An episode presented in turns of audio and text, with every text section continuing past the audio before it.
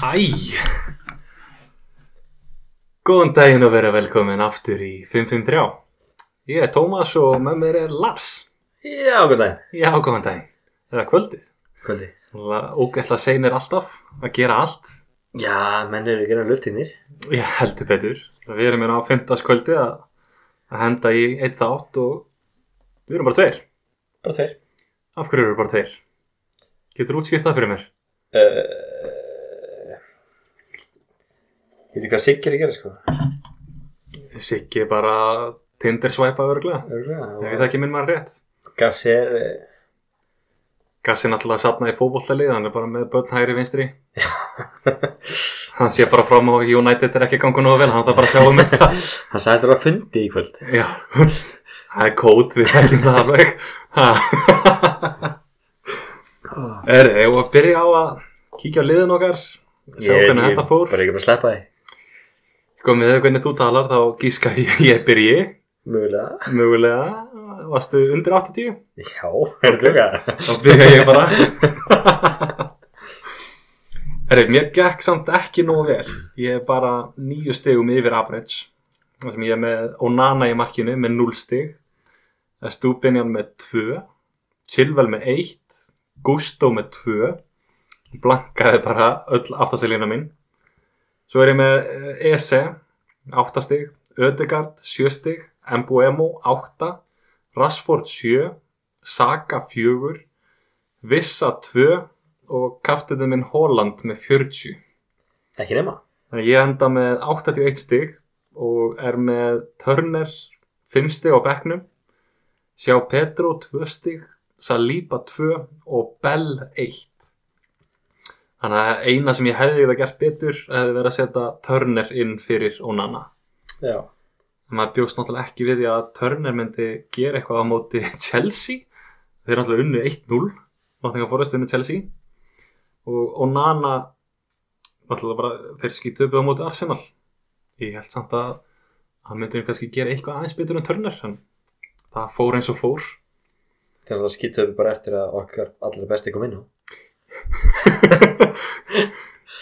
við spáðum báðir 3-1 og 4-1 ef að Harry Maguire myndi byrja Já, ég myndi byrja. Já, var það- var það, var það 3-2 Já. við spáðum, við, við spáðum allavega 3-1 eða 3-2 Spáðum alltaf herri tölu ef að Maguire myndi byrja. Já, hann náttúrulega byrjaði ekki en hann kom inn á og, og bara stóð sem þessu heitja eins og þetta, Já, já, bara eins og landslíðinu sæmir já, já En viltu fara yfir liðið þitt eða þegar við bara að spóla yfir það? það er alveg gaman að spóla bara yfir það sko. já, bara, bara fara í næsta lið já, Þannig, kóttum með það ég grunlega skiptingarnir mínar fóru í rugglið þessar viku sko Ok, ég er náttúrulega seldi Ferguson Seldur Ferguson, seldi Ferguson, þú keiftir hann í draftinu fyrir þessum ferð Hver á pælingin þar? ég veit það ekki Nei, ok, uh, ég seldi Ferguson náttúrulega ok uh, og einhver fleiri ég, já Kaftera Mbuemo Captain Mboemo, ok og það bara gekk ekkert rosa vel hjá mér Það er 16 stig já, Ég meina, í staðan fyrir 40 Í, þú veist, þetta er bara þér að kenna alfarið já, þú helst ekki tryggð Nei, vissulega ekki Vissulega ekki Hún er búin með 2 og 4 stíg og svo allir 20 ok, ok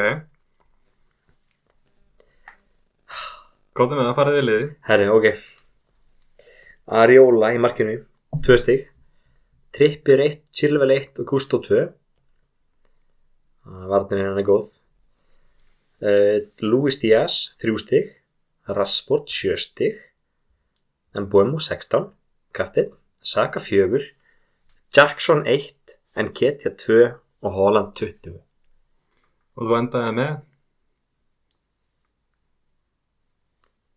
bara, ég veit ég veit það ekki sko 59 já, mögulega en ég get nú kætt þig aðeins já, það er þú varst ekki lagstur á okkur fjórum nei, ekki ha já, hver, okkar maður sem er að hendi heilt fótbollalið hvað gerir hann núna Hvernig heldur þú að hann hafi kaftinað? Herru, hann, kaftina Rashford Nei, Nei, hann ok. gerði það reyndar ekki. Hann kaftinaði Sterling.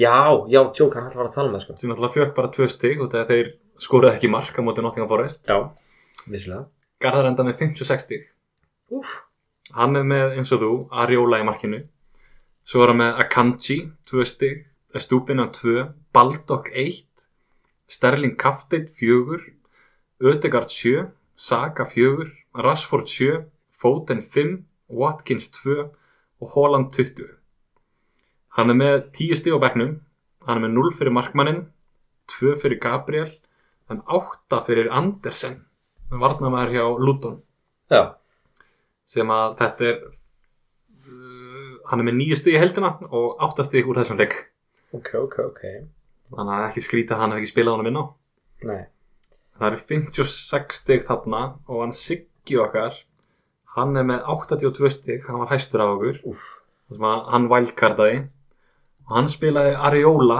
2 stig Udoki bakverðin hjá Tottenham 5 stig Chilwell 1, Romero hjá Tottenham 7 Mbuemo 8, Mattisson 7 Sterling 2, Ward Prowse 7 Antonio 2 Holland Kaftit 40 og Jackson 1 hann er með Alisson Becker 8 stig á bekknum já, hann tók hann greinlega inn í valkartinu svo hjælt hann ekki tryggð við sinn mann hann Saka situr á bekknum fjögustig alltaf harðasti Arsenal maður sem að við þekkjum já og hann, Hvað, hver er penningi þar? hann var ekki með hann er bara með einn Arsenal mann í liðinu síðan núna hann er á svo bekknum allir aðrir nei, hvað mennur ég er með þrjá Já, ok, Það að dissa það núna. já Þeir eru mútið Everton í næsta leik. Já, ok, allir aðrir Pípaði þið niður. Ég get ekki sagt að þetta sem er góðir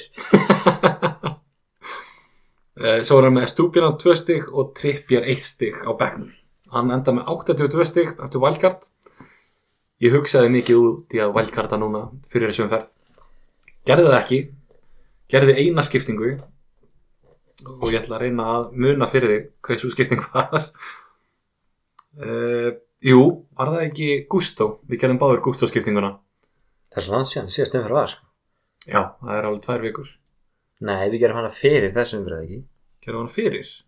Nei, við gerum hana núna Já, Ég er gerum nú- hana núna. Já, Þannig að það var skiptingin og ég var búinn að setja upp valkart lið og var búinn að íta confirm og ég ætti bara aftur að íta aftur að confirm já, en síminn ringdi að það gerðist eitthvað sem ég þurfti að lappa frá og endaði að gera það ekki og eftir smá endurhugsun þá er ég bara ánær að ég gera það ekki nei, skil það en núna er ég búinn að vera að skoða það aftur á valkarta þar sem að ég hef eiginlega alltaf valkarta í fjórðu umferð svona verið svona trend hjá mér í mínu fantasíferli en mér lýst bara helviti vel á leikina sem að liði mitt á núna það sem að þetta er Burnley, United, Bournemouth, Everton, Aston Villa, Everton Newcastle, Brighton, Everton Burnley og Vestam það er ekkert ekkert að því að spila Það er bara smá beauty í þessu nána sama liði en ég er reynda búin að skipta inn á af bekknum Já Ertu búin að gera skiptingu núna? Nei, Þú ert ekki búin að gera skiptingu? ég er ekki búin að, nei Ok. Er eitthvað sem að þú sér strax að þú gæti þurft að gera? Uh, Hvernig lítur liðið þitt út akkurat núna? Herri, ég breytti liðin eða þú veist, skipti því á bekknum sko allavega Ok. um, eitthvað, sm- eitthvað smá Varstu með Daló inn á í síðustum ferð? Nei, Hann var á bekknum? hann á bekknum Já, Fekk eitt stig uh, eða ég- Eina sem ég skipti síns mér er bara markmaðurinn Ramstil inn á, á Ramstil inn á? móti Ah. Evertón Ok. Hvað er ég að segja? Ég er náttúrulega með þrjá arstamenn sjálfur sko. Já, en, endilega láttu mig heyra það. Hvað er þetta með þrjá arstamenn? Melur. Spilaði.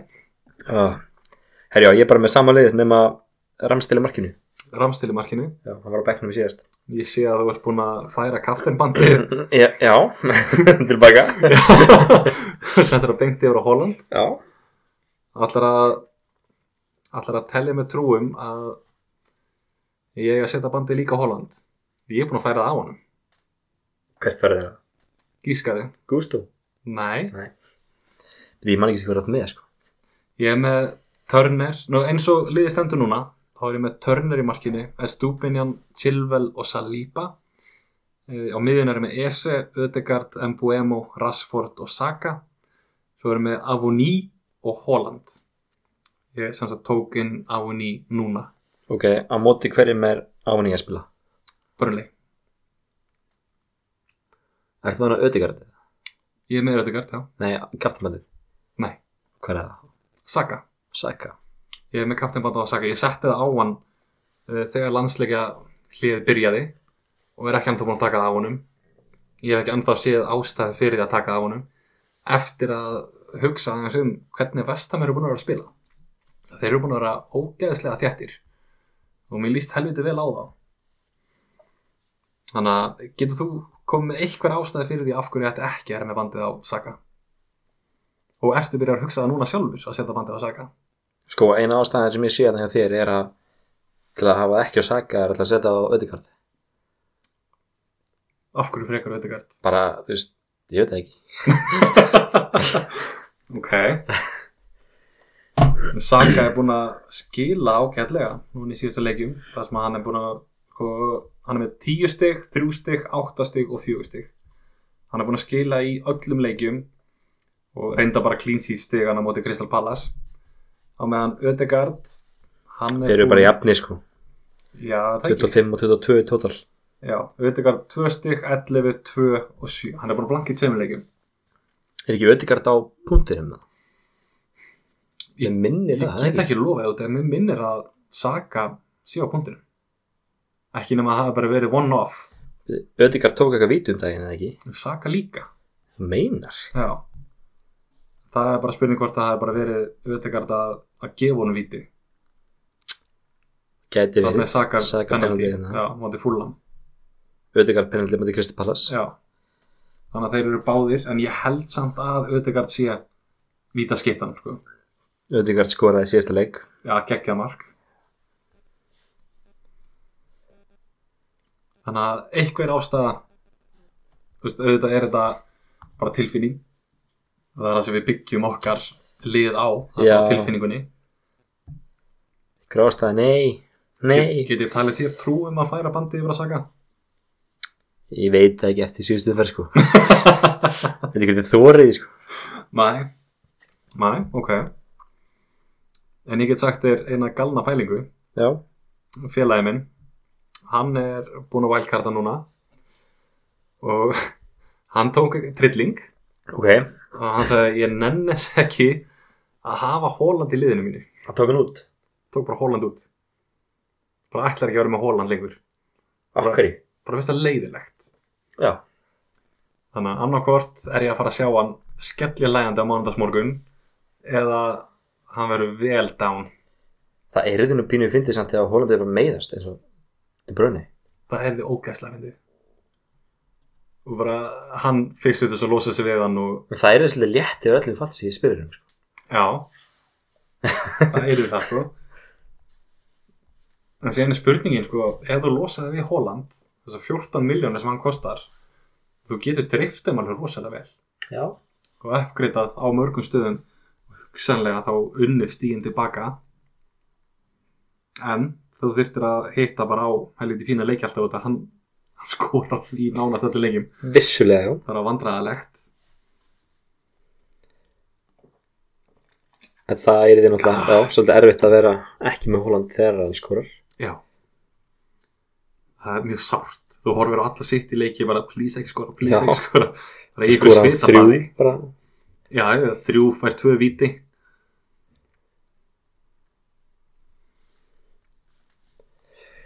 Ah, Þetta er erfið leikur, sko. Þetta er erfið leikur sko. En valið fyrir, fyrir mína parta þá er valið á milli Saga og Holland Af og ný reyndar á móti Burnley finnst mér ekkert galið Það er alltaf leið, sko. Burnley eru búin að fá mikið af mörkum á sig reynda búin að vera með erfiða leiki þannig að og hann er búin að skora í öllu leikjum Börnlega með mínus 8 eða í marketölu. Já Á og ný er búin að skora í öllum leikum Sjö stig Þannig er mark Mark Mark og assist Já, hann assistaði á móti Chelsea ég var að leita að vestam ég fann það ekki að því að bara hann var svo neðarlega í töflunni það er þetta í fjóraðsæti bara hvar er vestam eiginlega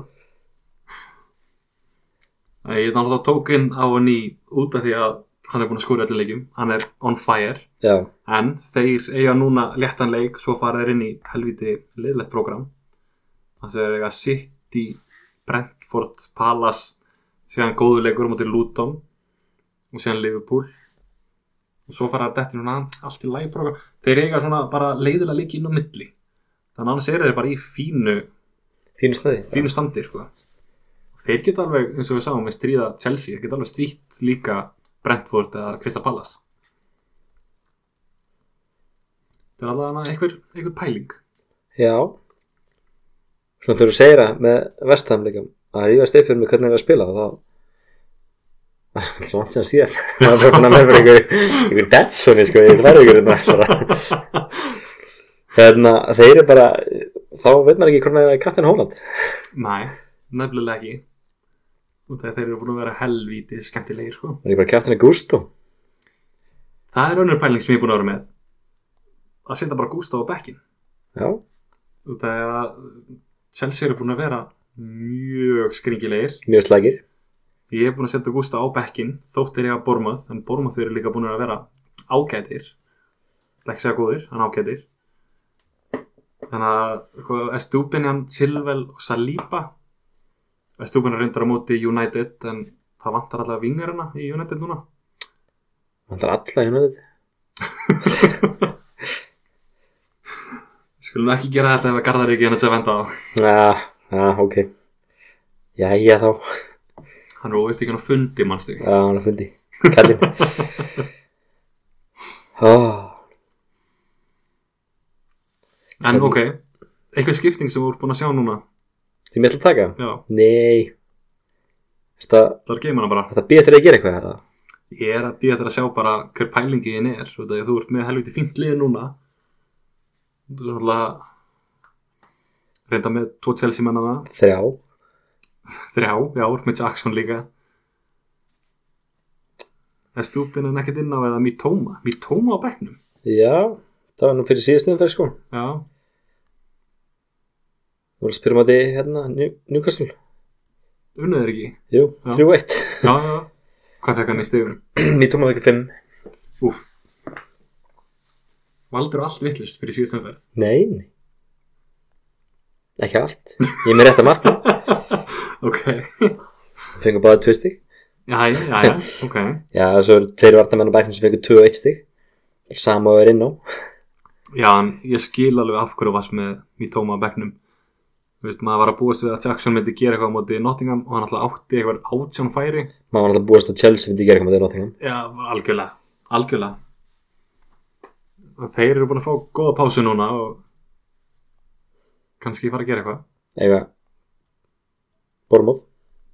Já, en Bormóð eru búin að vera ágætir Já. Kíkta hans yfir hérna hvernig leikin er búin að fara á Bormóð Það mér minnur að þeir hafi staðið sér alveg ágætlega sko. Mínus fjórir er makkatölu. Ok, E, já. jafnteflega hann á móti vestan Vestam jafntefli, tap móti Leipúl, tap móti Tottenham og jafntefli á móti Brentford. Ok, þannig að já, þú veist, með við prógrami þá var það búið að enda ágætlega hjá þeim. Ég bara, ég trúi ekki að Chelsea ætla að vera svona liðlega, sko. Þetta er samansapn af leikmunum. Ég kunni ekki að spila saman. Nei, þetta er ekki líf. Þetta er svona svo ennska landslið var hérna fyrir nokkur mánum. Og núna er komin sko, pyrringur inn í hópin. Það er færingar að spila. Ekki bara það, heldur að fréttum að dæma, þú veist, Enzo Fernández, Hmm. hann er vist bara þú veist, brjálæður. Hvað nú? Hún var að lofa bara geggju í liði og svo er bara í skýtnum, sko. Svo er bara tólfsæti. hún langar að fara Já. sangat fréttum sko en svo er náttúrulega endalega slúðu fréttum líka Þetta er náttúrulega, þú veist, það verður ekki gott liðin ef að leikmennin spilir saman. Þannig að þetta er náttúrulega part honum að kenna. já, já. en við þurfum aðeins að skála við þurfum Já, að skála fyrir því að okkar menn í Liverpool keipta ekki Rómi og Lavia Skál fyrir því. enn eitt meðslapjæsin meittist á æfingu og verður frá í einhverja vikur sko. en ekki hvað Ömulegt samt fyrir hennan unga dreng 19 ára og færið þetta stóra múf með því strax og þeir keiftu Kaiseto Vist, hann, hann fer ákveður að fara þangað þegar þeir eru búin að köpa Kaiseto ég skil ekki ennþá af hverju Nei, hann er ekki sem búin að vera í hóp Nei, hann var bara búin að vera í stúpu, upp í stúpu Stúbu, stúbu bara Já, Þú stúbu stúpu Einu myndina sem er að sér hann á leikdegi er bara upp í stúku sko hann.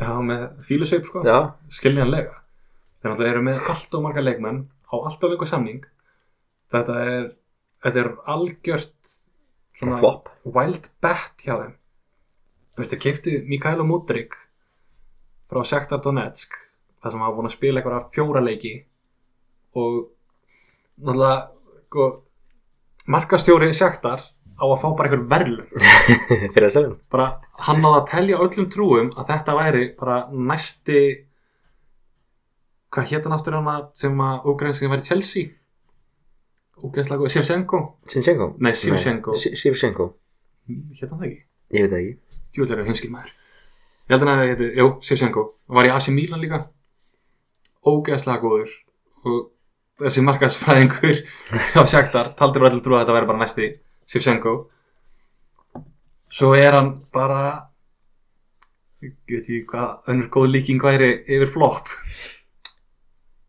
Ég hef með það, þú veist, fáið þér eitthvað að æfa á æfingu með það Það er margir Það þú veist og það stilt bara upp í þrjú lið Já, þú veist, er æfingarsæðin nú stort fyrir það alltaf það er bara góð spurning og náttúrulega menn sem eru nýbunur að kaupa og bara, hei, komið hinga og bara geggja projekt en svo kaupa þér fjóra menni viðbót í stöðuna Já, það er svo gali sko og þú menn- setur hann bara þetta reik- reiknistæmi gengur ekki alveg upp. Það er svo gali sko hvað menn ákveða að fara ánga, bara vitandi hvað er margir í liðinu og svo vita stjórnin ekki svona um he hvað helmingar og leikmannum heita Nei. það er vo- hvað er ekki búið að vera þrýr stjórar hjá Chelsea núna frá því að Todd Bowley tók við eitthvað svoleið sko Ég var reyndar, ég var búinn að taka saman a crazy fact fyrir Chelsea eða um Chelsea. Bring it Það er svo langt síðan ég gerði það að ég, ég var búinn að gleyma hvað það var. Þannig að hérna, crazy fact, Kuna. Chelsea er búið að vinna ma- jafnmarga leiki í Premier League og leikmenn sem þeir sænuðu inn núna frá því að Todd Bo- Todd Bowley tók inn, tók við. Ok, Todd Tók við. Bowley tók við stjórnartaumanum með Chelsea. Já, Þeir eru búin að vinna jafnmarga leiki í Premier League og þeir keiftu leikminn í sumar. Þessu hvað er sumri, það? 20 13. og keftið 13 leikmenn í sumar Já. Þeir eru búin að vinna 13 leiki frá 24. mæ í fyrra. Shit Þið, Ég er ekkert að ruggla núna í janúarglögunum þá Já. keftið bara eitthvað 20 leikmenn eða eitthvað ekki Jó, marga. Já, og svo keftið 13 í sumar Já. Hvað er það? Þeir eru reynda búin að selja óksla mikið, sko.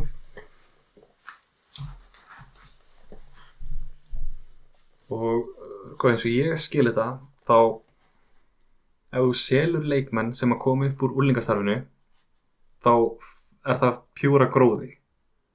Já, og þegar þú sæna leikmenn á 8 ára kontrakt sem að þeir eru búin að vera að gera þá getur þið deilt greiðslunni yfir á þessi 8 ár þannig þeir eru að komast fram hjá þessi financial fair play já, og enda með hennan risahóp á risasamningum þeir geta ekki losað sér við þá nema þú veist, þessi leikmenn hafi actually bara viljað þess að spila og halda áfram ég er fyrir bara sig vilja til að spila bara. en annars þú veist, þú ert 20 eða 23, 24 og þú setur hana ef ég tel á puttunum já ok, ég er 32 ára þegar ég losna ég get bara tekið ávísununa þangað til Mm ég þarf ekki að meiðast á ökla eða að slíta En crossband svo alltaf margir sem bara hafa ástrið fyrir boltanum og vilja að spila nefnilega en við erum ekki búin að sjá neitt í þeim með Chelsea Nei. eins og er, eins og er alltaf þetta var crazy fact Crazy fact crazy fact Er ekki nú bara nóg um Chelsea í byrja það? jú, ég held að það er bara ómikið um Chelsea Það komið kortir um Chelsea hérna Jæja, jæja Næsta lið Er, já, hérna, kannski verðt að minnast á það að Anthony vangmaður hjá United hann er núna komin í bara hlið frá æfingum og, og leikjum og spilar ekki núna þannig að ef þeir eru með hann í liðin ykkar sem að er kannski ólíklegt þar sem hann er ekki múin að gera neitt á þessari leiktíð þá er bara um að gera að fara að koma honum út Já. þegar að hann er ekkert að fara að spila Hann er ekki bara að spila á næstunni.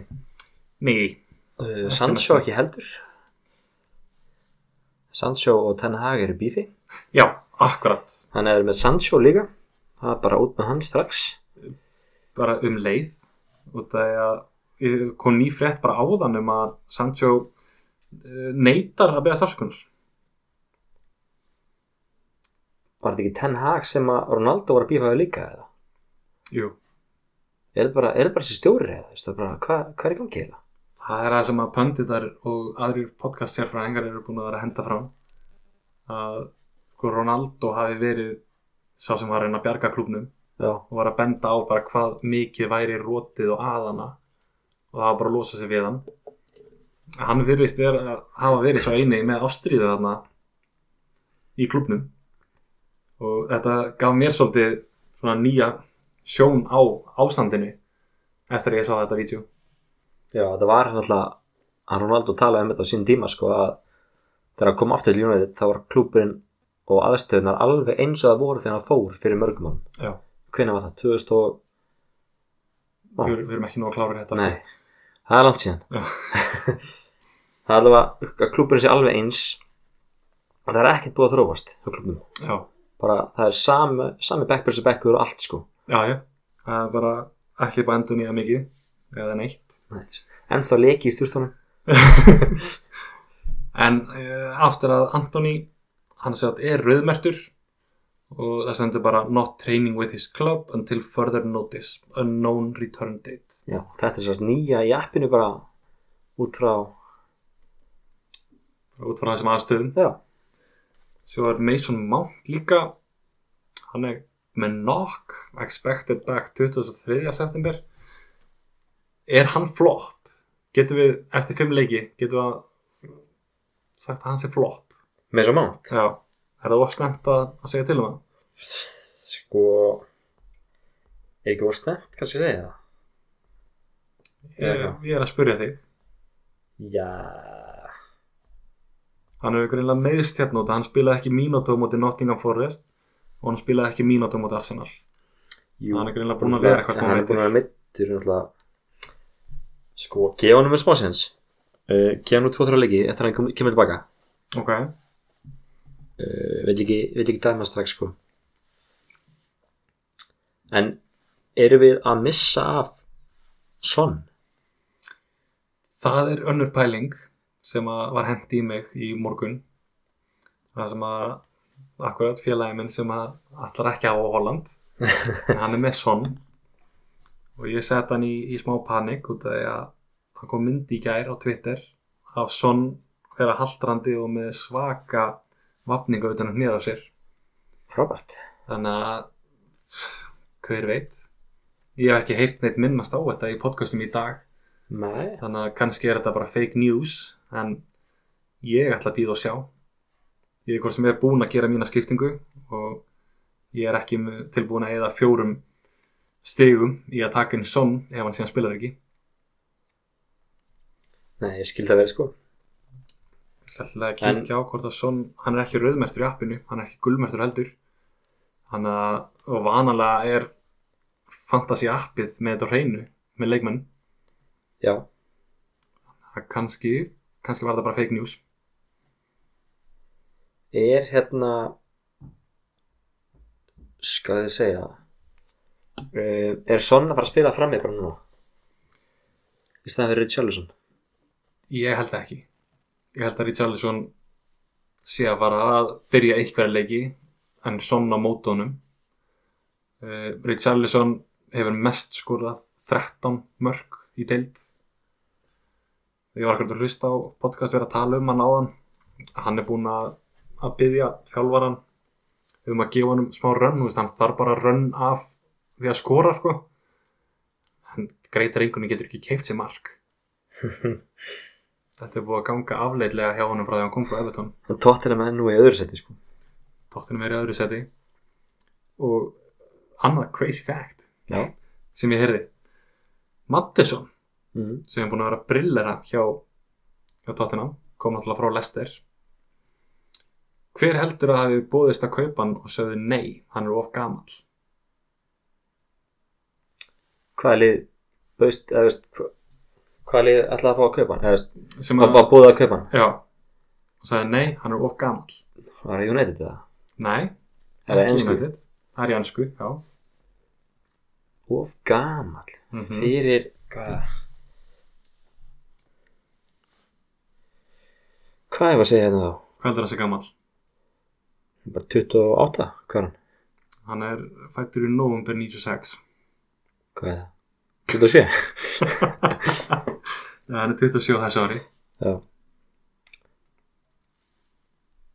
Guð, ég veit ekki. Chelsea. Chelsea sem að vantar akkurat svona mann á Og liðinu það er sínu. Chelsea var hann ára gamall. Já, og það er þeirra Já, hann það er 8 strategía. ára samningar, sko. Já, ekki það, heldur, þeir eru bara að kaupa núna unga leikmenn og það, ég held að, að mörkin liggi við 24. En þú spilar ekki bara með tvítið um gæðin, sko. Jú, Þú þarf reynslu Chelsea. líka. Þú veist, Ég þú þarf er ekki reynslu. Sterling, elsti maðurinn, já. Hvað er hann? Sterling er að hann er búin að vera í mörgum liðum. Hann er bara á öllu liðinu, sko. Guð, ég veit það ekki. Þannig að við kíkjum hérna, 28, hann er 28. þetta er 94, Já, desember 94. ég er hann ekki elsti maðurinn í liðinu. Fyrir utan Tiago Silva, nei Tiago Silva, hann er alltaf 38 ára. Sá drengur er búin að sjá betri tíma. Þannig að skvat. Uh, Robert Sanchez, 25 ára. Chilwell 26 ára, sko. Eldgamall. Ok, ok. Hvað þessi duttar sem að, nei þeir voru nú að kaupa einn hérna sem 25 ára og mörkin hljóta að vera 25 ára. Það lítur að vera. Hann er 26 ára, við köfum hann ekki. sem er alltaf bara galið hæling veit, hann er búin að vera brillera Já, hjá tóttina það er líka að hann bara að spila. já, og það er bara bara helviti skemmtilegt að horfa á tóttina leiki núna Já, ég get ekki sett það, ég get ekki séð það. nei, ok en ef þið ættu betra prógram þá væri ég núna að wildcarda til þess að taka inn þrjá tóttina menn Já, þrjá. Já. Hvað þrjá myndir taka? ég myndi taka Udoki ég myndi taka Vicario markmannin, geggjaður shit hvað hann er góður ég horfði á leikin á móti United Mm. og hann var eins og, eins og þú sagðir varði eins og titlingur hann var bara Dean Henderson endurfættir Dean Henderson. Okkar allra besti, sko. allra besti Tottenham ásansat í næstu leikjum þá eiga er Sheffield, Arsenal, Liverpool já það eru svona næstu þrýr sem eru helviti leiðilegir Það er líka 105.000 búin að taka vikarjóin. já, mér Hann er finnst komin skrítið. við 5,1. já það er góðu leikur núna svo er Arsenal og Liverpool bæða tvölið sem eru búin að vera á góðri siglingu en Tottenham er að spila geðveikan counteractive uh, counterattacking fútbol Já. þannig að þeir geta alveg léttilega gert eitthvað mot Arsenal og Liverpool sérstaklega sem Liverpool elskar að fá á sig mörg eins og er Já. það er, það er rosalega skemmtilegt fyrir okkur Illa þreytt, sko. það, það þarf að hafa gaman að þessu líka Svona spennu í þessu. Já. það kom nú upp hjá með pæling að að taka Darvin Núnes aftur eftir að nýbúna hendunum út Já. eftir hennan hennan Newcastle leik hann svo gerði hann ekkert í leiknum eftir því ef hann assistaði hana Sýstæði. að hann skaut í stöngin og Matti Kass hendunum inn Já. Hann gaf okkur skemmtilegt er mark. svolítið mikið að skilja stangir. Ég- hann hann hlýtur að vera með eitthvað met við töluðum um þetta síðustu leikti líka hann hlýtur að vera með eitthvað met í að skjóta í stöng og slá Já. það hann er búin að gera það oftar en nokkur annar leikmann sem ég sé í delinni Eru mörkin eitthvað minni á Englandi það? eða stærra á æfingum hver Æri, veit hann er mertur meittur. Já, Núnes. hann spilaði ekki með Uruguay núna í landsleikjunum hann spilaði eitt leik held ég Voru ekki allir bara meittur í landsleikaliðinu? margir, Mm, leiðilega margir Við trent líka meittur. Jú, Trent reynda mittist ekki í landsleikaverkefni Nei, hann mittist í leik, minni mig Já, fleiri uh, Já uh, sér að leikmenninu okkar frá Suður Ameríku þeir gætu bara líklega að fengi kvild núna í fyrsta leikhelgarinnar á móti Wolves þar sem að þeir voru að spila í gær Það er 72 tímar á milli leikja og Já. menn er að henda því fram að það er bara mjög góða líkur á að að þeir verið kvildir það er Luis Díaz Darvin Núnes, þeir eru fleiri Það er hérna, sem mátt þetta Jú, hérna McAllister veitu, hann- var hann að spila? fyrir Argentínu Já, hann var á, Kíktu- var í gær, var í gær. Var hann að spila? Já Kíkta það, var hann Já. að spila? Uh, maður sjá. Já, hann var að spila. Hann var hérna. inn á Yes, 85 minnir. anskoti En sóbáslæg Ungverland, þeir voru að voru það ekki fyrir að það heiti fyrir dag Ég er að breynfart hérna, sko. Já, leitaði bara að Hungary Ég er ekki svangur, sko. Budumts Herri, uh, hvernig var það? Mútið Tjekklandi Það var 10. september. Já, hann, hann er alveg kvildur Já, Hann spila líklega mjög líklega. og hann skorar Já, er það ekki? Jó, eh, Jó, jó. Diego, okkar, okkar allra góða, góða besti Diego Sjóta skora líka. Já, já Er hann ekki að fara að starta núna bara? Jú, jú, hann er búinn að skora eh, þrjú mörk í landsleikar hennu, hefur maður rétt. Búinn að vera on fire. Þannig að hann spila mjög líklega. Þannig að Portugal er bara að lappa í gegnum riðilega sinn. Það er vandraðalegt. Ég held að þeir eru unni Kýpur. Nei, þeir eru unni, þeir eru unni hvað, Luxemborg 9-0. Getur þú staðfest það? Um, maður sjá. Dun, dun, dun, dun, dun, dun, dun, 9-0, það er það rætt hjá þér. Já, 28 með 2. Jóta með 2. Ok. Þá var ég að muna þetta rétt. En framlífum okkar. Bruno með 3 assist. Já, já. Hvernig heldur að framlífum okkar lítið þá út? Þetta væri Jota. Hver er upp á topp? Gagbo. Gagbo, já. Hann er skoraði í báðanleikjunum fyrir Holland. Og Sala, þeir töpuðu á móti Túnis núna. Hann er ekki bara með kvild Gagbo. Þannig að Já, Sala var að spila í gæra fyrirtaka eða ekki. Hann reyndar í toppstandi, þannig að hann byrja bara alla leiki, það skiptir ekki máli, Já, skiptir engum máli. skiptir ekki máli. Skiptir engum máli, sko. Þannig Eh, að Jota, Jú, Gagbo, hann spila bara á þriðið daginn, sko.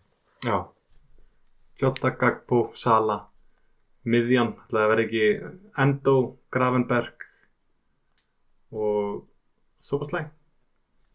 Svo er þetta Robertson, Matip, Kwanza, Joe Gomez og Alisson í markinu. Já. Allison var valinn á bekkin fyrir Brasilíu Edison var að starta núna That's a first. er það? Þetta ekki. það er svona eitthvað rótering sko það Alltaf er þetta verðið að millið þeirra, sko.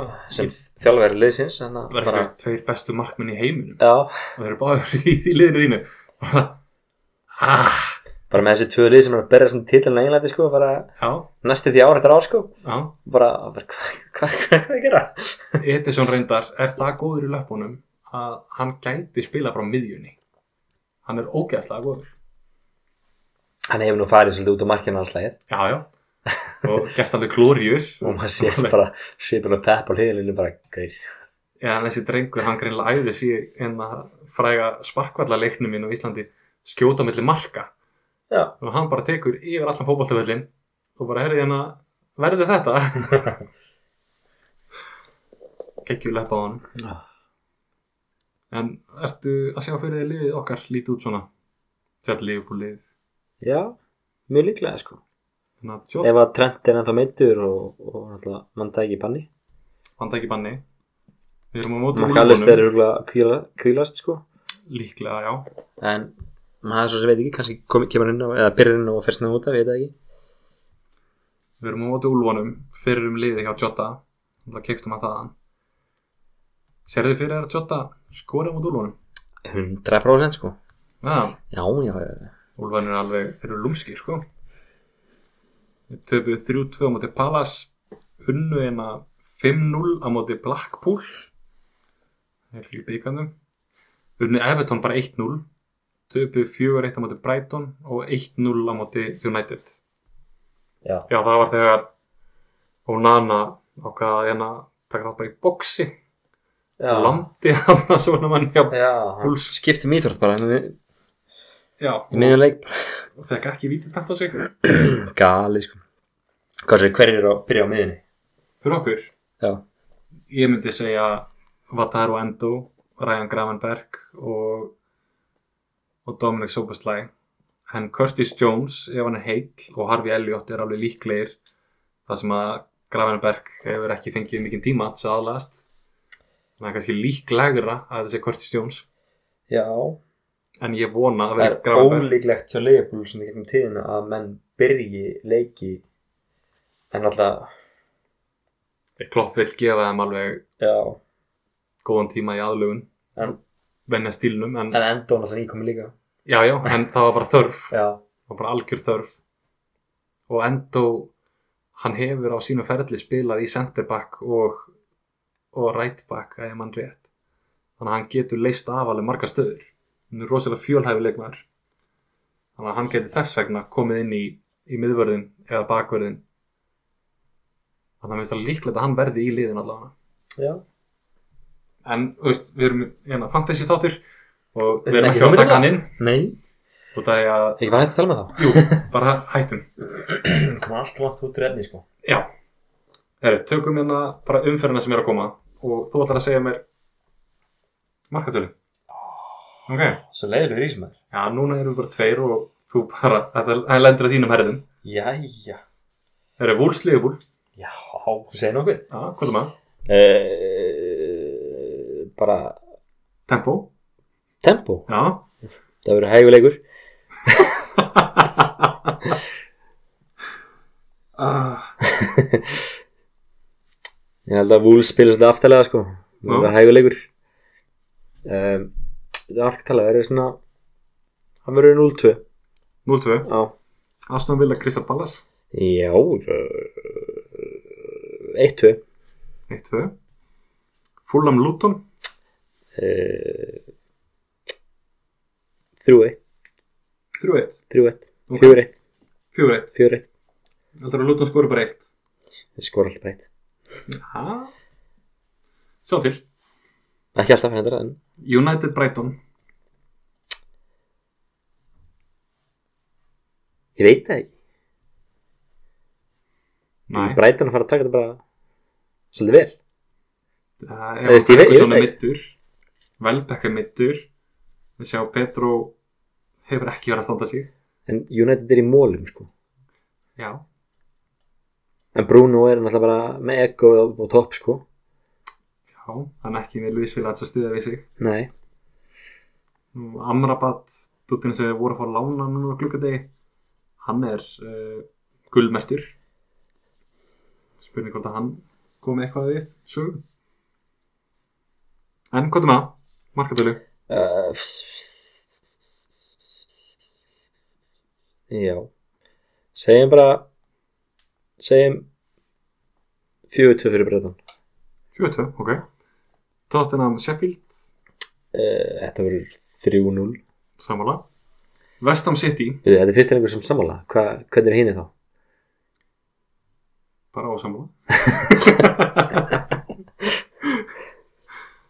Vestam City Það er eitthvað 2-1 Ú, fíla ok. Newcastle Brentford ég ætla að segja bara þú veist sko, ef að Newcastle með eitthvað Newcastle búin að vera þá eru þeir að fara að tapra leik en það er náttúrulega Newcastle comebackið er ennþá inni Brentford eru skemmtilegir, ég veit það, það vantar samt Newcastle comebackið sko þeir eru á staðinu sko það vantar ekki Það er- Það má alveg bara það sleppa má því alveg sleppa þér sko Já. um, já ég ætla að segja 1-3 Eitt þrjú, Já. ok Bournemouth Chelsea þetta er svo erfiði leikir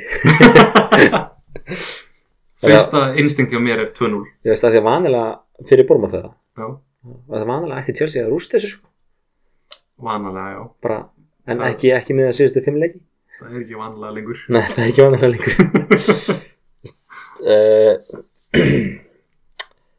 Já Ég ég- veist, ég veit það, eitt eitt Þetta getur verið drikkjuleikur. Hversu oft segir Lars já þegar hann er að spá markatölu? Já,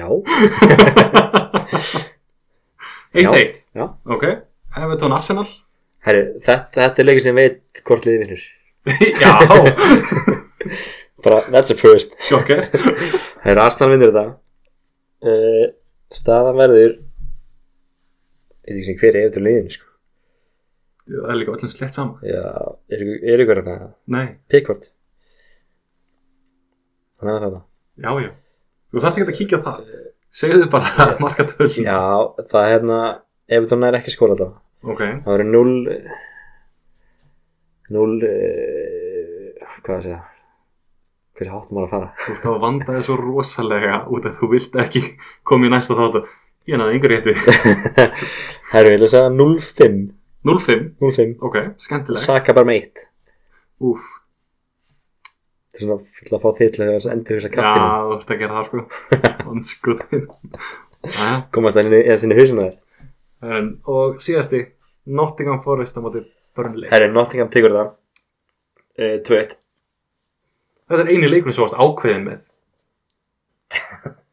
Þetta er að endur hugsa þetta aðeins eða Nei, nei, nei Þú ert bara fullviss Bara fyrir þess Ok Ok Herðu, komdu með fyrir mig Eitt leikmann sem þú myndir vilja hafa úr þeim leikjum sem ég lesu upp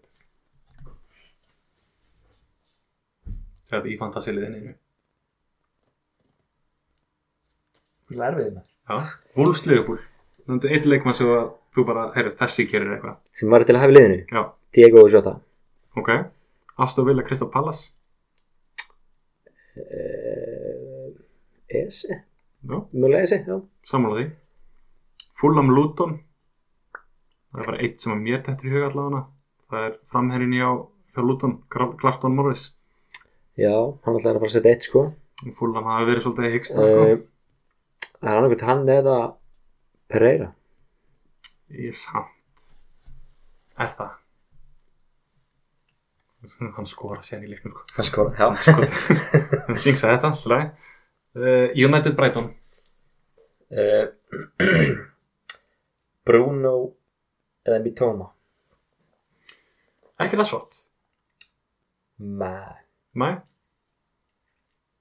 Einhver Ég ástæða held, ég þarna held að bakvið Bruno eh, sko, ég, ég vil trú að Arsenal skorir en mér finnst þess að þess að Bruno skorir fleiri stig í fantasy Já, hann náttúrulega Það gekk mjög vel hjá honum í landsleikilinu Já, En ekki á Rashford nei Ok, Tottenham Sheffield Eitt leikmann uh, Sko, ef að Son spilar, Já, þá er það Son ef hann spilar ekki uh, þá er það engin Mattisson, Jú, jú, ætli það ekki það ekki Eða Udogi, Matsson frekar Mattisson frekar Ok West Ham City Haaland Væntanlega Ef við tökum hann út fyrir svega um, Var prás Lýst mjög vel að hann Newcastle Brentford Mbuemo Vissi það Einn og tveimur sem við þekkjum hjá Brentford Hvað er þetta maður?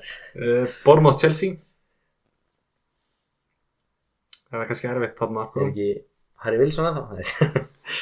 Ég myndi segja Solanke Já, svo langt er uh, Hann skoraði tvö um daginn eða ekki Ég honum búin að ganga ágætlega sko.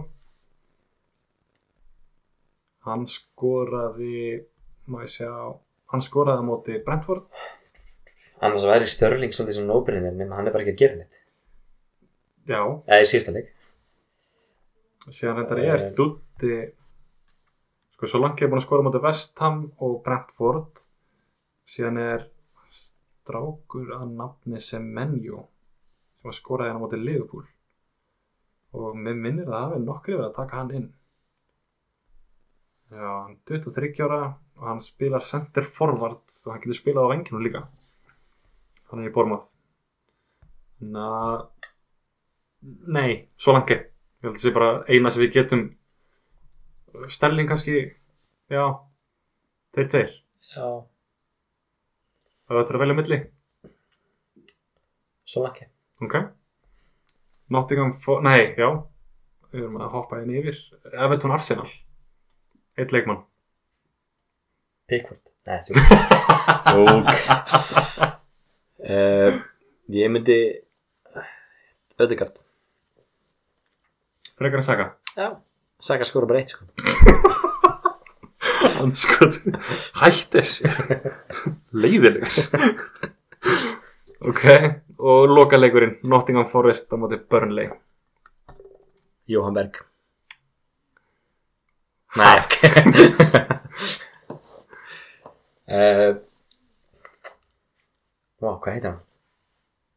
Avoni, Avoni, hvað heitir hann? Já, Avoni, það var ný Avoni, Já, þannig ber ég allan frá já, Avoni Samanlega því Ok, hversu marga leikmenn ertu með Það uh, þeim sem að þú lastu Eh, Já, Ge Gefum okkur það að þú reyndar lastu Flest allt bara sóknarmenn ég er með Mitoma og Mbuemo og Holland Ok Ég er með Ödegard og Ese sem þú lastu upp og náttúrulega MBM og Holland Uh, Þú gafst Rashford ekki mikinn sens að Hei, Og- ég er með hann, sant? Ég er líka með hann og Saga, ég er með hann sem að þú ert búin að Ég líka gera allt sem þú getur til þess að trulli yfir svo að ég kafti hann ekki Mögulega kaffið ég Já, það minnst það mjög ríklegt Þú ætlar að saksa á með þarna Já, ah, Gæti alveg verið. Já, það er sem helviti gott Myndir taka bandi á hann Ég myndi sér á hann Það er mjög þreytt ef það myndi síðan bara hægt í skil það. trennu, sko, bara fyrstu trennunum sína. Setja líka sokk upp í Sigga. Já, Siggi segir að Saka skorir ekki trennur. það ringir sæka Þingi Saka. Kalli, Siggi hérna, veistu alveg hvað það er? Hann segir að þú skorir ekki trennur.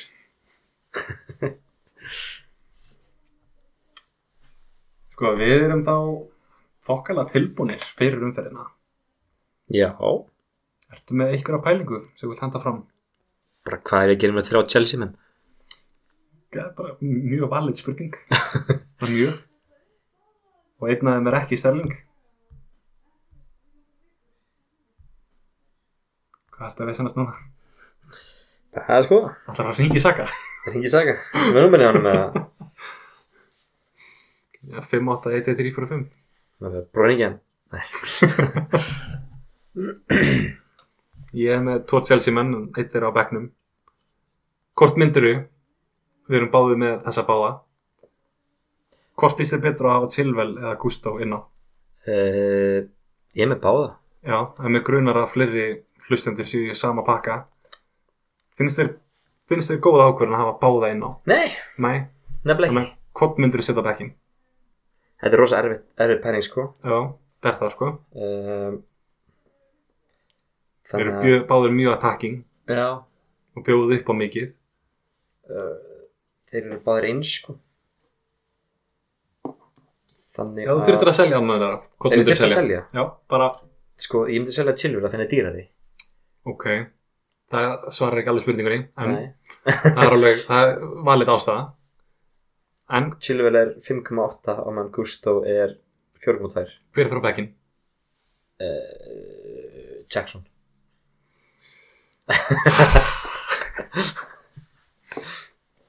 Ég veit það ekki Það sé ekki bara Gusto eða, Alveg viss. Nei, Ég er með hann á bekknum. með Gusto Já.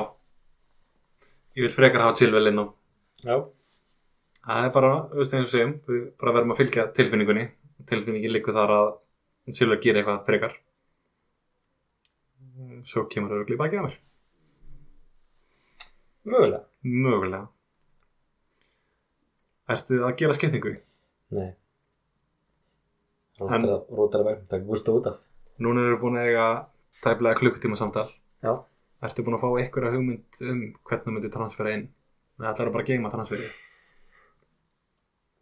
ég veit bara ekki hverju með þetta hendi út sko. Má ég sjá það hér? Þú Ramstil í tækir markinu, fyrir staðinn. Trippier, Chilwell, Estupinjan, Luis Díaz, Rashford, Saka, Mbuemo, Jackson, Anketia og Holland, Mitoma, Gusto og Daló. það er þetta alveg rétt hjá þér hvern ættar að taka út Og sko, en Ketja reyndar er í hættu út af því að Gabriel Jesus Er að koma til laga er komin tilbaka og skoraði á móti United Já, hann reyndar þú veist, er að stíga fór Það er meðslum hann bara kannski að- fær hann bara hálfan leik það er stæðlega eftir að Maguire kom inn á sko. Þannig að telst ekki með ok, en reyndar eftir að Maguire og Johnny Evans kom inn á Já, það telst ekstra mikið ekki með Aha.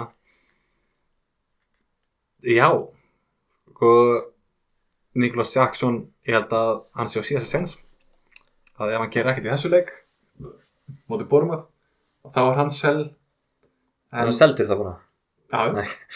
þá bara Bara gone, bara sorry allir seldi frá Chelsea ég skil hvað hún menar og það horfandi að liði eitt þá langar mér ekki að selja neitt Ég myndi mögulega uh, veist, ef, það- ef ég ætti ekki að transfer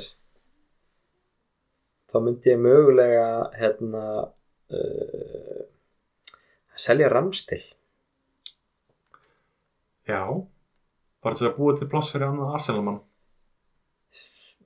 bæði og sko Já. og samla hérna keeper rotation hérna það er með Leno og Ariola já, það getur hitt að lítið vel á það funkar ágætlega saman ok þú kannski hendur þessu á Instagramið okkar og hlustandi getur séð hvað við erum að tala um Já.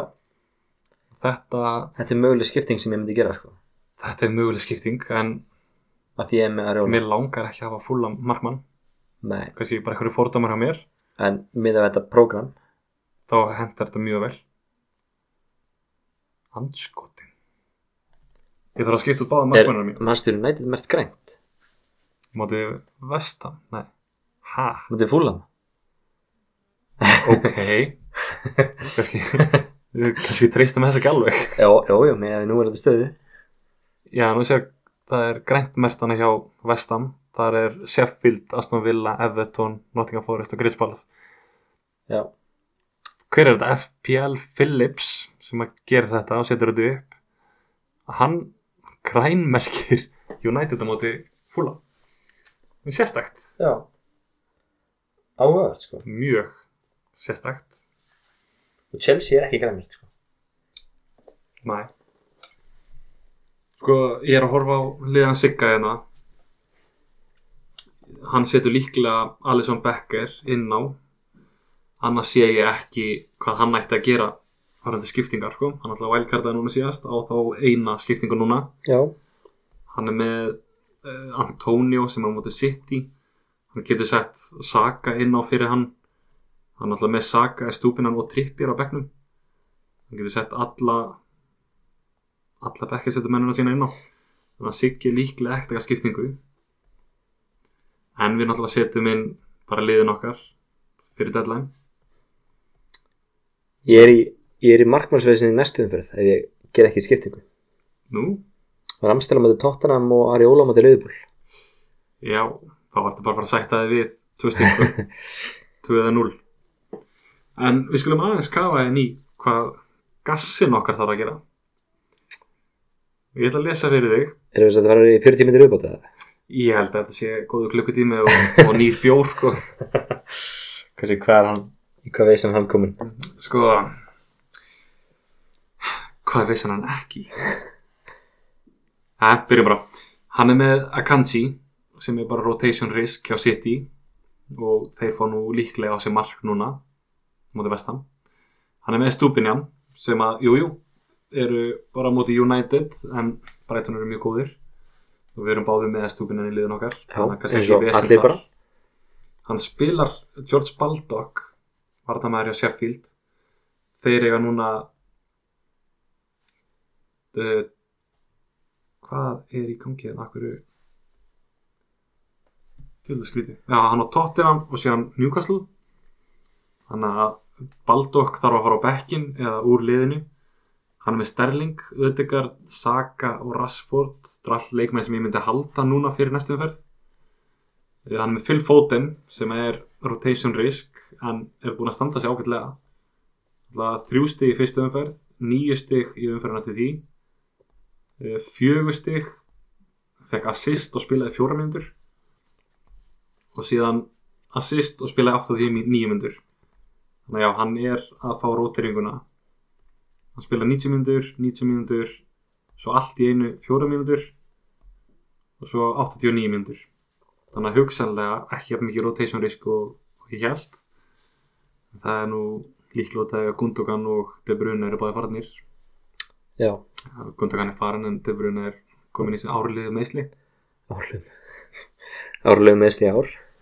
Já uh, Ollie Watkins þeir eru á móti Crystal Palace síðan eiga Chelsea og Brighton hann er nú ekki búin að vera að gera eitthvað glóriur en hann er búin að vera að skila lókilega hann, hann er svolítið Watkins maður Ekki þessi Já, Watkins sem er þrjú að síðast í þreymur leikjum blankaði núna mútið Leopold náttúrulega skorið ekki mark og það sást ekki til þeirra þeir voru ekki í leiknum ég eh, bara var að horfa á leikinn og ég spurði sjálfum mig er Watkins inn á?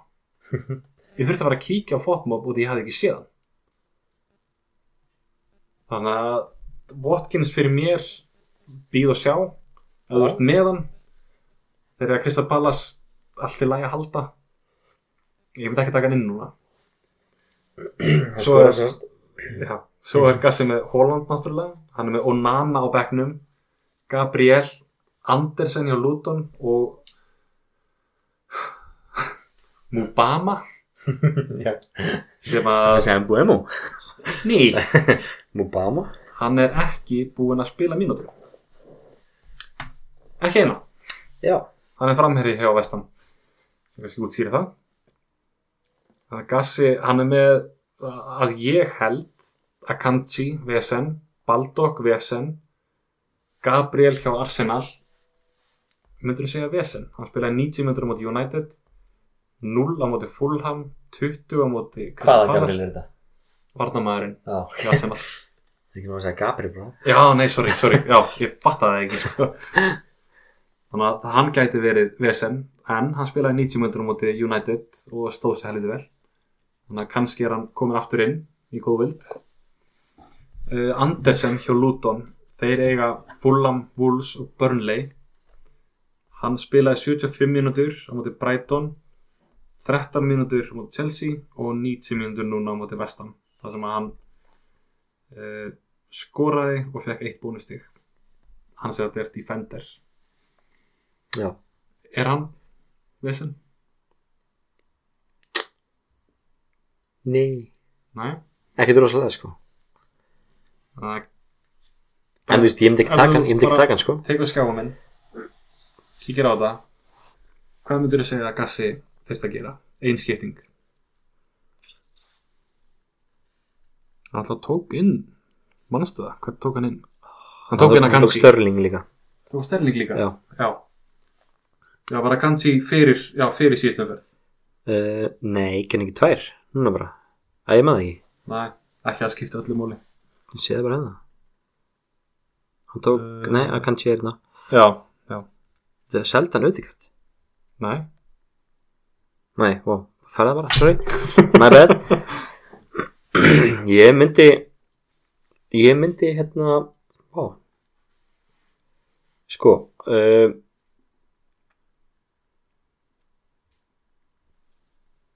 Fyrir að þetta peningum og eitthvað hérna hvað hann er með sko uh, Ég er ekki drosar hrifin að hafa að kannski í liðinu sko En Baldok er náttúrulega ekki heldur gott pick uh,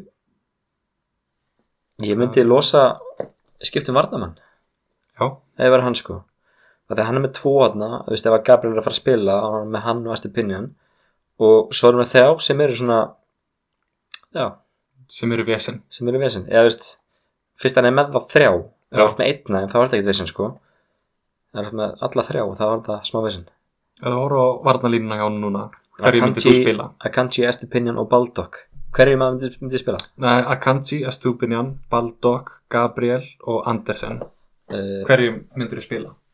ég myndi spila öruglega bara Gabriel Estupinjan og Andersen Já Út af því að það er vesen út af því að Baldok er gulmertur og Sheffield fær á þessu mörg Já. og Akanji er náttúrulega bara í rotation vesenni náttúrulega 2 stig, 0 stig, 7 stig, 6 stig ég myndi hafa Akandi sem fremstanna back já og á móti Vestam það sem að Vestam er að líkleits að skora já, þannig að við myndum ráðleika gassa okkar að losa sig við Baldock eða Akanji Hann- hann vill örgulega ekki losa sig við Akanji og það hann er nýbúin að taka niður já ég myndi frekar losta Baldock þá sko já, en svo náttúrulega fer það bara til verði Baldock kostar fjórar sem að kannski útskýrir en hann ætti náttúrulega bara að vera bekkjasettum aður já, og Andesen kostar líka fjórar já, Gabriel er á 4,8 hann er búin að lækka um 0,2 myndi ég losa Watkins bara til að búið til pening eða Störling Já, við náttúrulega vitum ekki hvað er kassi á í bak- bankanum sko. nei, það er þetta satt en um, jú, hann áttaleg pening hvað það þessi ekki? fundir hjá honum er eitthvað Já, vesen sko. vesen byttu, byttu, byttu já, já, hvernig heldur hann að hafi selt fyrir sterling Seldan, hvað er að með núna? Má sjá. núna er hann með sterling, Ödegard, Saka, Rashford og Foden hann seldi svo mikið búið, þetta er líka gassi sko, maður veit aldrei seldi mér tóma Lumi Tóma finnst þið það sko, ég- sko ég- meða við þar sem við tölum í síðast eftir þá er það ekkert það gæli pikk Nei. en að selja það mjög tóma er alveg pínu gæli pikk sko sérstaklega þegar hann er svona playmakerinn hjá, hjá Breitón já, hann var líka valinn eh, player of the month fyrir bara þetta núna já, hann er alltaf kekkjaður alveg kekkjaður og Gassi var búin að vera með hann og hann var með 12 stegin í umferð 2 5 stegin í umferð 1 hann blankar í eina umferð mjög tóma Mítóma, það er 1 steg Gassi með 38 steg í heldina og hann tekur hann að reyðiskast hendur hann út það tekur hann stærling setur bandið á hann, það er 4 steg yes var ekki við tómaðum fimm stig Jú. Já. skellur er eitthvað sem við erum að gleyma að fara yfir kaftin pikið þitt tviss með saga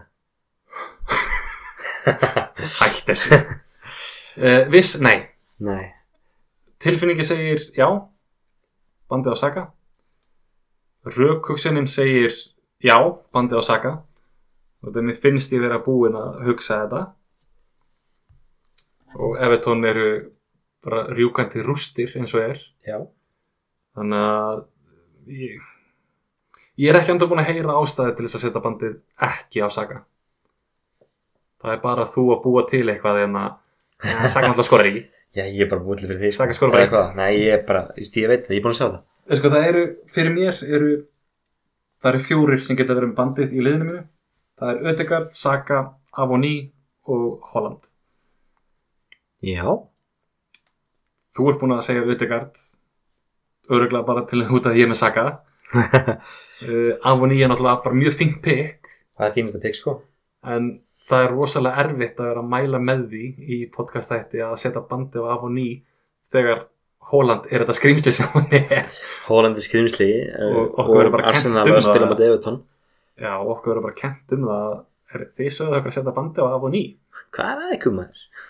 en auðvitað fyrir mér er það alveg fint bygg ávitis pikk sko og mm, bara eins og við erum búin að tala um með að við hvernig vestam er búin að spila þá er það alls ekkert gali bygg að taka bandið af Holland í þessum leik nei en það er svo getur við verið með bandið á honum hvað næstu rest of the season bara einn, tvo eða þessu tvo leiki, svo eiga er Arsenal en þú veist, svo er þetta ekki bara Holland þú veist, hann st- ok, Vestfa spila vel en svo mæta það City og Holland bara lappar yfir þá já, já, City bara leiku sér aðeins sko. það verður líklega eins og að horfa bara á snák bara kirkja mús sko. það verður bara bara vesen bara ves já. þú ert alveg búin að fokka í mér hérna, sko. já ég hafa bara loka orðinni í kvöld